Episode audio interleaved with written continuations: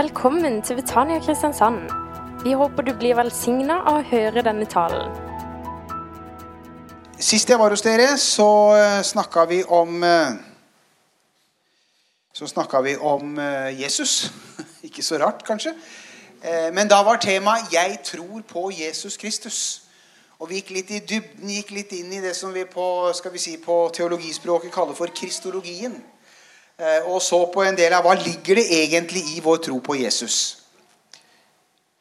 Eh, og vi skal fortsette litt i samme gata i dag. Det vil si vi skal ikke spinne videre på det, men vi skal på en måte snakke om det men fra en litt annen synsvinkel. Og jeg opplever at det jeg har å gi dere i dag, det er eh, akkurat like oppbyggelig.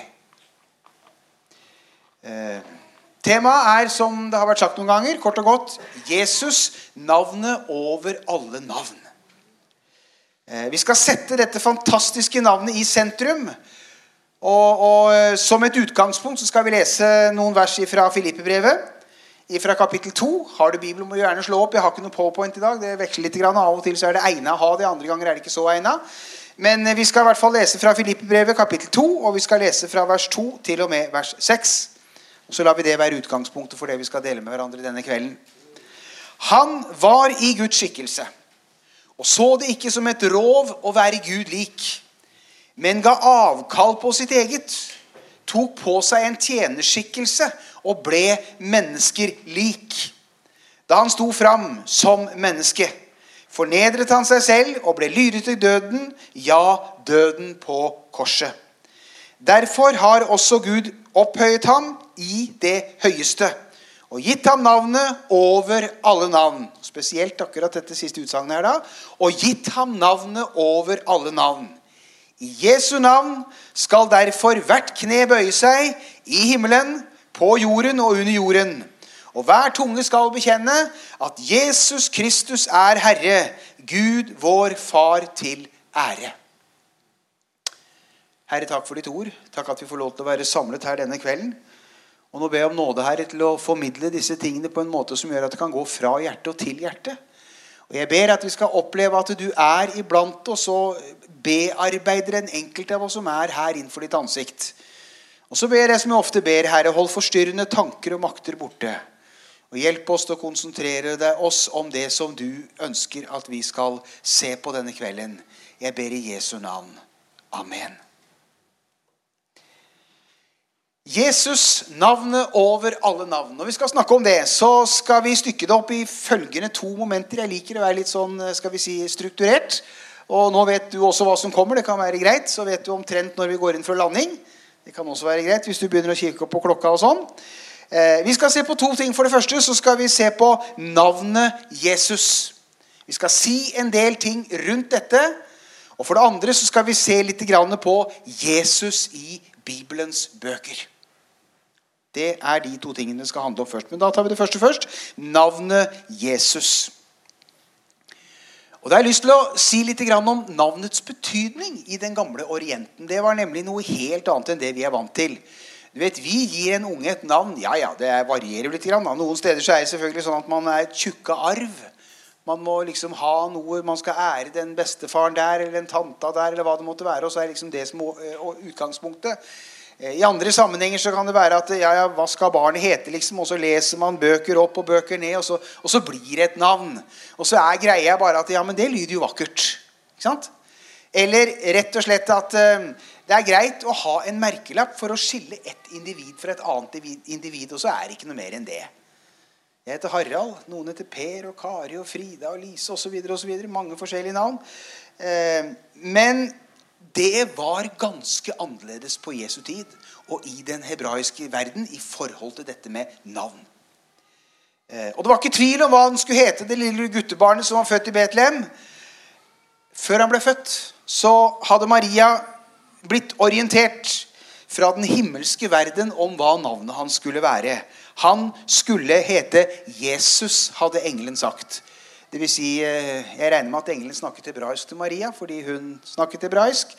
Derfor så sa han nok at han skal hete Jeshua. Det er det navnet heter på hebraisk. For han skal frelse sitt folk fra deres synder, ble det sagt. Eh, Jesus, som vi kaller ham, altså, det kommer av det hebraiske Jeshua, som rett og slett betyr 'Herren frelser'. Så navnet Jesus betyr 'Herren frelser'. Og som sagt det var noe mye mer å få et navn. Det var en skal vi si, en enhet mellom personen og navnet som vi på en måte er helt ukjent med. Altså, Personen var navnet. Eller navnet var personen. På en helt annen måte enn det vi noen gang eh, kan komme til å forestille oss. Eh, navnet skulle ikke bare være denne merkelappen, men navnet skulle altså si noe om hvem denne personen var. Ved å skal vi si, kjenne til navnet så ble på en måte en del av personens personlighet avdekket. Det var noe av det som lå i dette. Eh, og Derfor så er det også sånn at når det gjelder navnet på Gud, Guds navn, det er så hellig at de gamle hebreere de våget jo ikke si det navnet. Og det var, si, det var så innprentet at det var, liksom, det var helt ute av frågan å i det hele tatt liksom si navnet på Gud. Fordi det var på en måte denne, denne, enheten, og Gud er så hellig. Gud er så ren, og Gud er så opphøyet at du slenger ikke rundt deg med det navnet sånn uten videre. Derfor hadde man altså dette, og dette er faktisk sånn i dag også. Og Hvis du leser bøker som er skrevet av hebreiske skal vi si, teologer, som er oversatt til engelsk, så vil du aldri finne God. G-O-D, som jo er bare en sånn, litt sånn nøytral betegnelse på Gud. ikke sant? Vi kaller han Gud. De skriver G-D. For ikke å, å liksom ta det helt eksplisitt. Så det sier ganske mye om at i den kulturkretsen som Jesus ble født inn i, så var dette med navnet svært, svært betydningsfullt. Og så fikk han altså da navnet Jeshua. Herren frelser. Og så var det et uttrykk for nettopp hva han var. Jesus var jo Herrens frelse til en såret menneskeslekt. Han var på en måte Herrens frelse in persona. Peter sier det sånn i apostelgjerningene 4,12. Det er ikke frelse i noen annen. For i hele verden er det blant mennesker ikke gitt noe annet navn som vi kan bli frelst ved.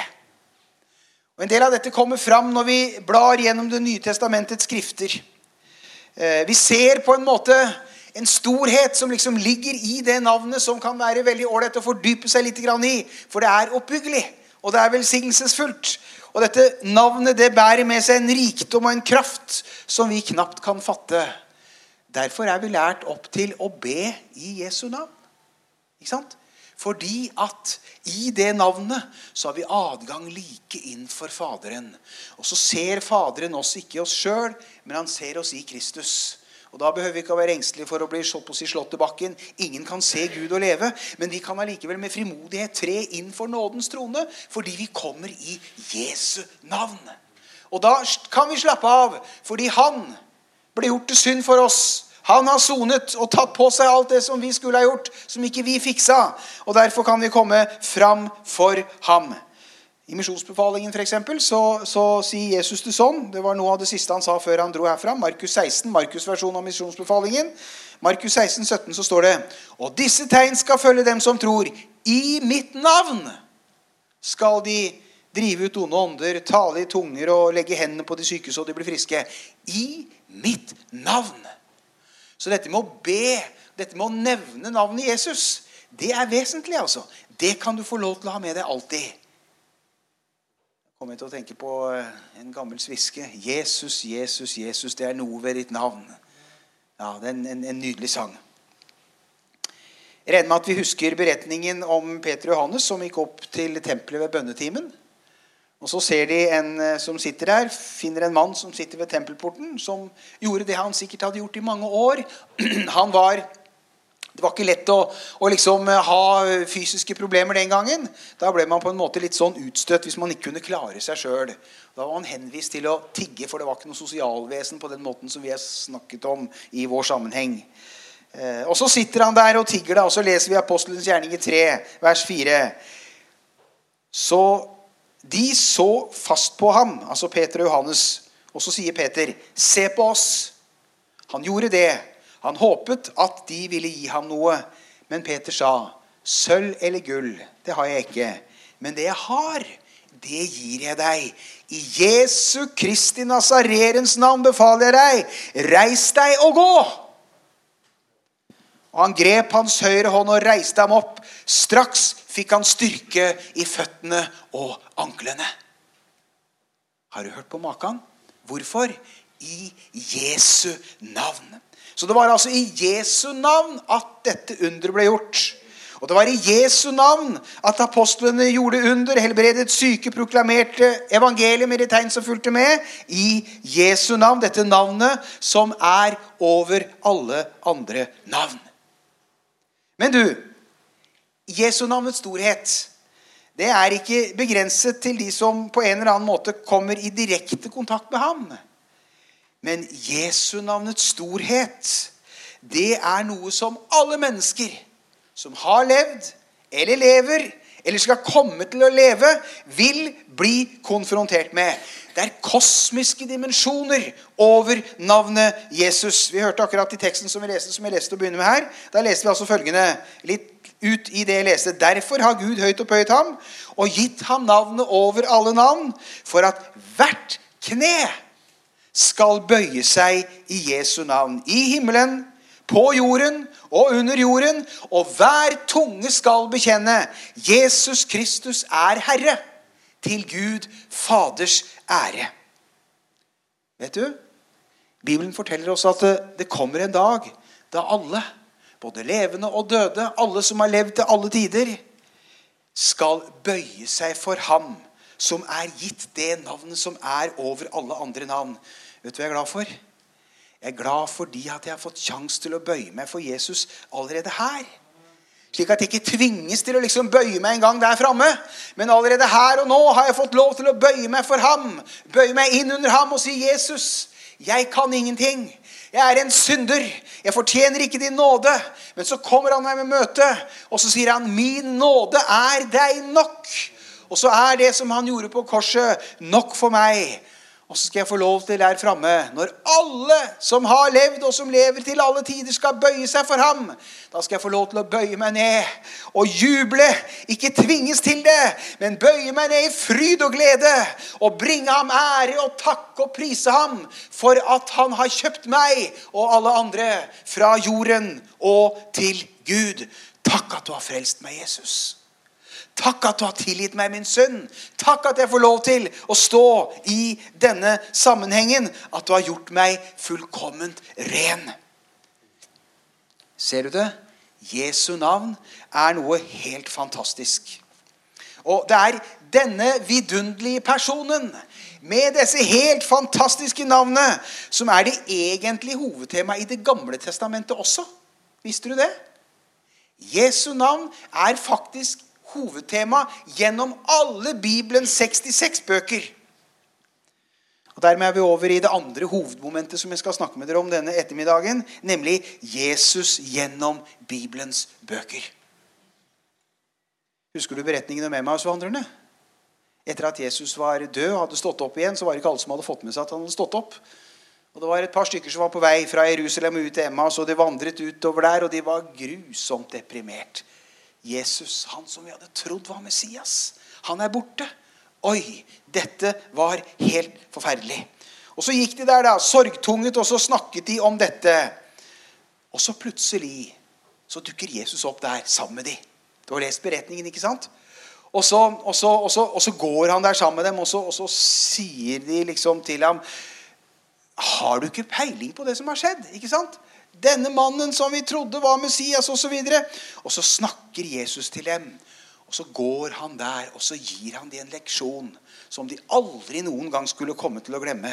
Det står i Lukas evangeliet at han begynte å utlegge for dem det som står i alle skriftene om ham. fortelles det. Den bibeltimen skulle jeg gjerne vært med på. Det måtte ha vært fantastisk. Jeg håper å si, har vært en flue på veien der hvor han gikk. Ha-ha, den var morsom, den. Ja, ikke sant? Det måtte vært fantastisk spennende. Og hørt mesteren selv legge ut om hvem han er gjennom hele Bibelen. Og så tok han for seg bok for bok i Det gamle testamentet. Og så viste han at 'jeg er til stede der i hver eneste bok'. Fordi han har det navnet som er over alle andre navn. Og det er dette navn, det er dette det handler om. Fra A til Å. Eller fra alfa til omega, for å bruke de greske bokstavene i, det, i Den hellige skrift. Og så sa de etterpå, vet du, ikke sant? Når, når, Jesus bryter brødet, og så ser de plutselig hvem han er. Og så sier de, 'Brant ikke våre hjerter i oss da han talte til oss på veien' 'og åpnet Skriftene for oss'. Hør nå. Nå skal du få bli med på en reise. En reise gjennom alle Bibelens 66 bøker. Og hvis du nå tror jeg skal tale lenge om hver bok, da tenker du at huff a meg, dette blir en lang preken. Nei, det gjør ikke det. Jeg skal bare gi deg noen stikkord. Noen, holdt på å si, bare noen sånne betegnelser gjennom dette. Og jeg opplever at akkurat dette stoffet her, det er fantastisk oppbyggelig. Hvem er Jesus i Det gamle testamentet? I første Mosebok så er han slekten. Kvinnens sæd som skulle knuse slangens hode. Abrahams slekt, i hvem alle slekter på jorden skal velsignes. I andre Mosebok, hvem er han der? Der er han påskelammet som ble slaktet. Lammets blod som løser fra slaveri og trelldom, og som gjør det enn i dag. I tredje Mosebok så er han offeret. Både brennofre og syndofre og skyldofre og matofre og takkofre.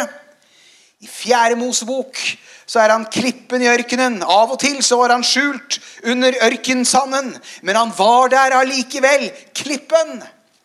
I femte Mosebok er han profeten, liksom Moses, som står som mellommann mellom Gud og folket. Er det ikke herlig? Dette finner vi i det gamle. Gå hjem og les, og så, og så å si, kan du ha med deg noe av dette. Det er herlig hvem han er gjennom hele Bibelens bok. Hvem er han? I Josvas bok så er han høvdingen over Herrens hær, som inntar landet for deg. Land for deg.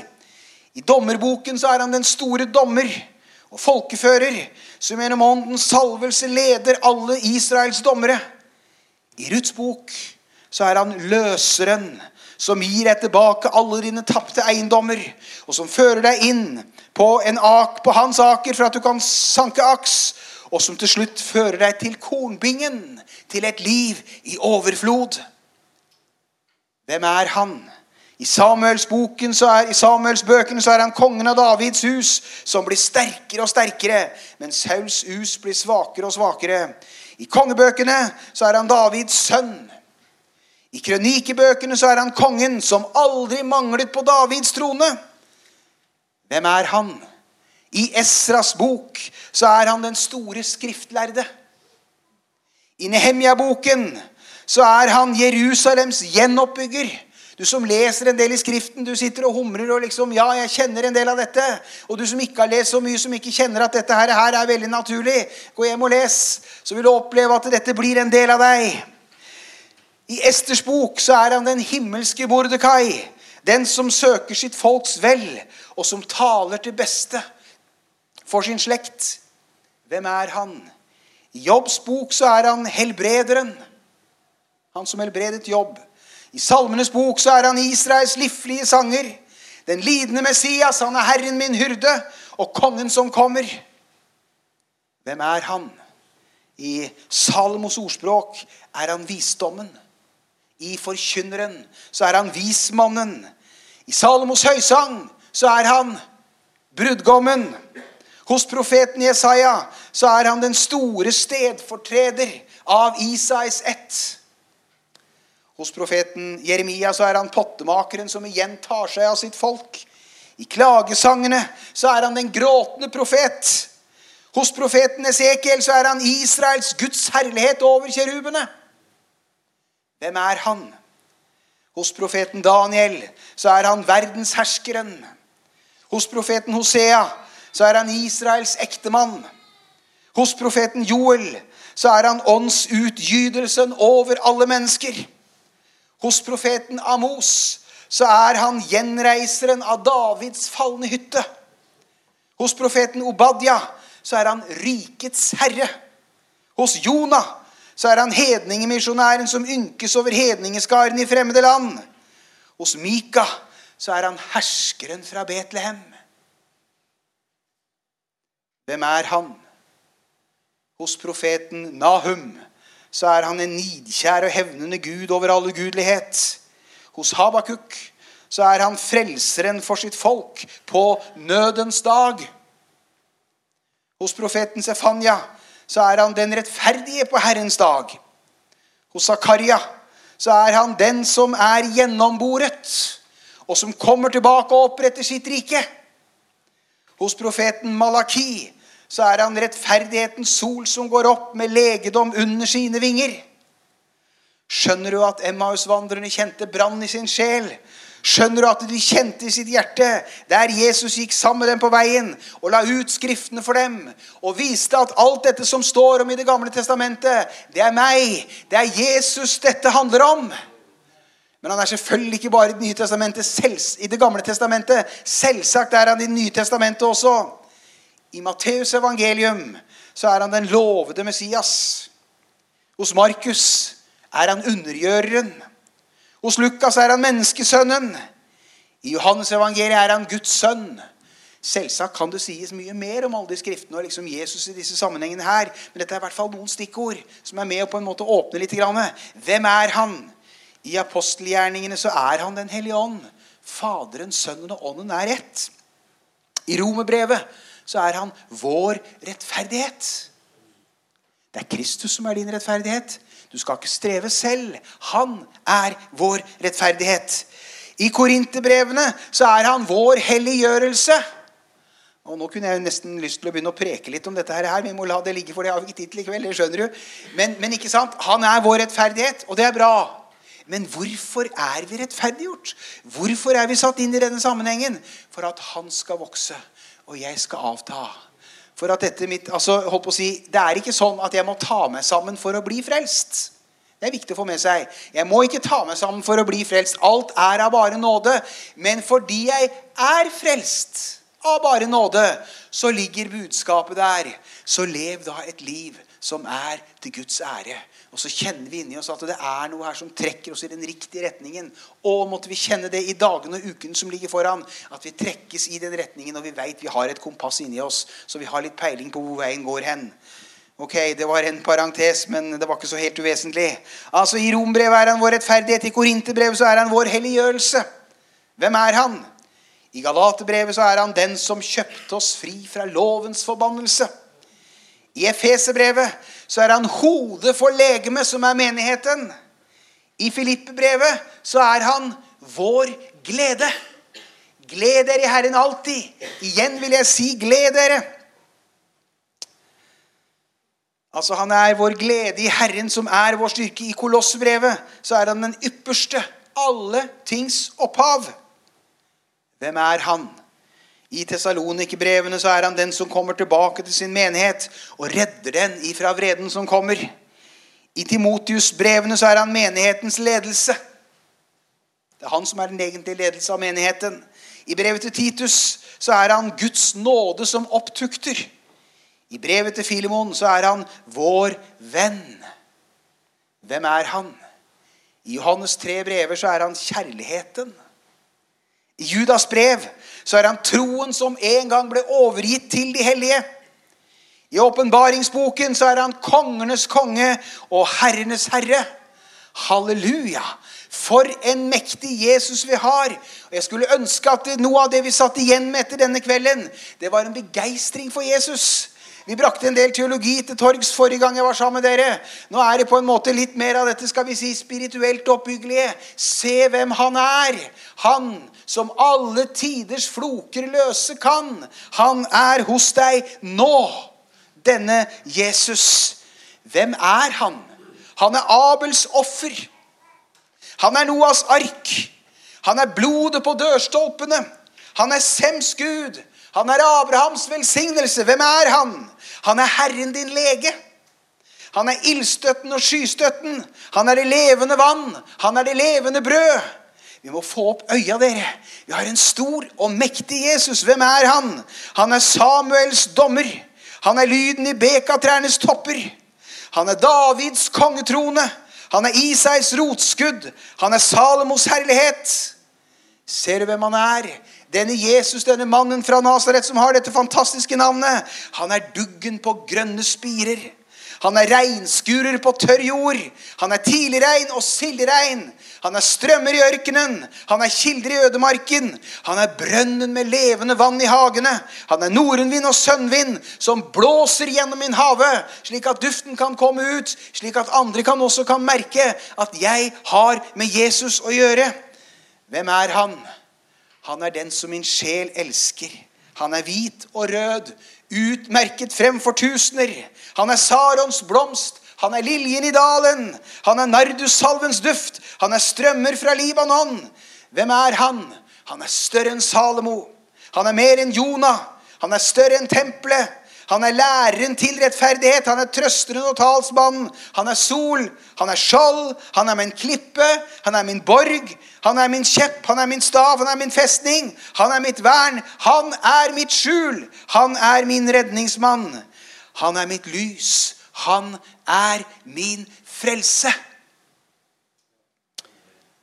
Hvem er han? Han er Herren min hyrde. Jeg mangler ingenting. Han lar meg ligge i grønne enger. Han fører meg til vann der jeg finner hvile, og gir meg ny kraft. Han leder meg på de rette stier for sitt navns skyld. Hvem er han? Han er Jesus Kristus. Han er Messias. Han er Guds sønn. Han er Gud med oss. Han er verdens frelser. Han er Guds lam som bærer verdens synd. Han er en soning for hele verdens synder. Han er den korsfestede, den oppstandende. Han var død. Men se, han sto opp, og han lever i all evighet. Jesus Kristus er i går og i dag den samme, ja, til evig tid. Jesus er stor, venner. Vi har en fantastisk frelser med et herlig navn. Vet du hva? Det er kraft i navnet Jesus. Det er helbredelse i navnet Jesus. Det er trøst i navnet Jesus. Det er frelse i det navnet. Vet du, djevelen skjelver bare ved lyden av det navnet. Hvorfor? Fordi han avvæpnet makten og myndighetene og stilte dem fram til spott og spe da han triumferte over dem på korset. leser vi Kolossebrevet. Ja visst, han for ned til dødsriket. Men dødens krefter maktet ikke å holde på ham. Derfor så sto han opp igjen fra de døde den tredje dag. Han for opp til himmelen og sitter ved Guds den allmektige Faders høyre hånd og skal derfra komme igjen for å dømme levende og døde. Ta med deg navnet Jesus. Ta med deg navnet Jesus i hverdagen. Ta med deg, Du kan få hviske det navnet uansett i hvilken situasjon du er. Uansett hvordan det er der du befinner deg. Så kan du si 'Jesus'. Å, Jesus, jeg trenger deg nå. Ta med deg dette fantastiske navnet. Vi kan få juble det ut. Vi kan rope det i fortvilelse. Dette navnet, Med dette navnet kan vi som jeg sa innledningsvis, få tre like inn for Faderens trone, slik at vi kan få miskunn og finne nåde som gir hjelp i rette tid. Og så er dette med å komme inn for ham og utøs for ham Det er noe langt mer enn bare skal vi si, psykologisk utløp for indre følelser. Det er snakk om realiteter. Det er snakk om kontakt med ham som sa 'Meg er gitt all makt'. Han har kontroll. Og om vi synes det drøyer med bønnesvaret, jf. vitnesbyrdet her i stad, så har han fortsatt full kontroll. Og hør nå. Det jeg sier nå, er ofte et sånt munnhell som vi slenger rundt oss med. Men det er noe mer enn det. Det er snakk om realiteter. Hør nå.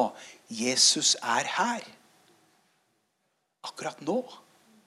I dette øyeblikk så er Jesus her. Der hvor Jesu navnet nevnes, der er han. Der hvor to eller tre er samlet i mitt navn, sier han, der er jeg midt iblant dem. Og han med dette helt holdt på å si, giganavnet, som vi har forsøkt å se litt på fra ulike synsvinkler i kveld, han er midt i dette lokalet nå. Han er deg nærmere enn din egen pust. Han er hos deg. Han ønsker å stelle med deg. Han ønsker å møte deg. Jeg vet ikke hva ditt behov er. Jeg vet ikke hva du kjenner inni deg. Jeg vet ikke hvordan du har det. Men Jesus vet det. Jesus er hos deg akkurat nå, og han vil gi deg det du har behov for. Og Så sier vi at ja, men jeg får jo ikke bønnesvar. Du, Dette er ikke så fornuftig, det vi ber om alltid.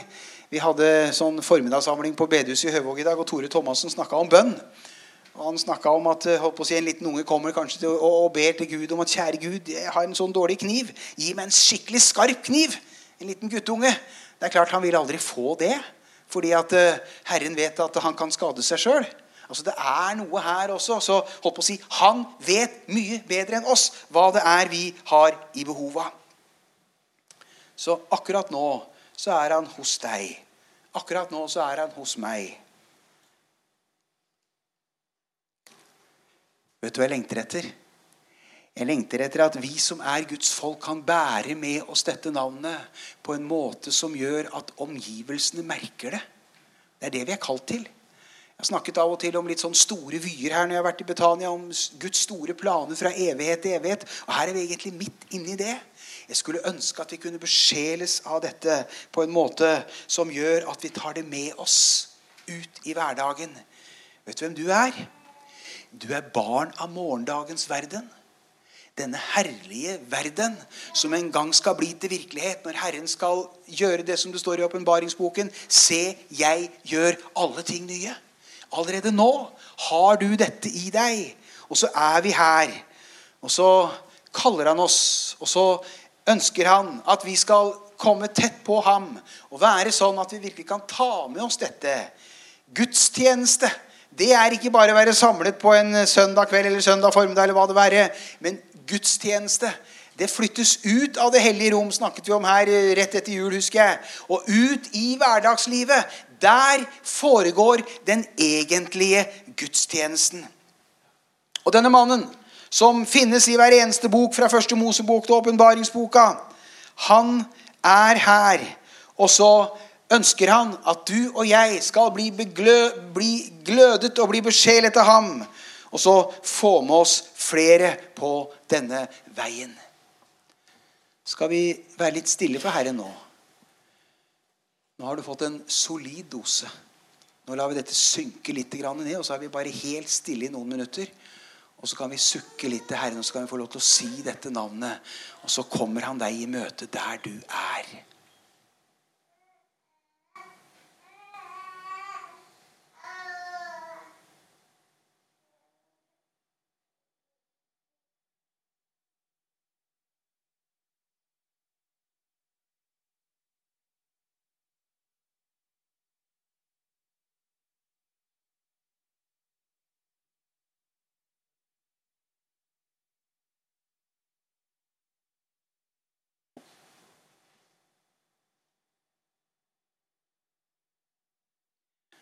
Og så kan du hviske hemmeligheter til ham som bare han og du hører.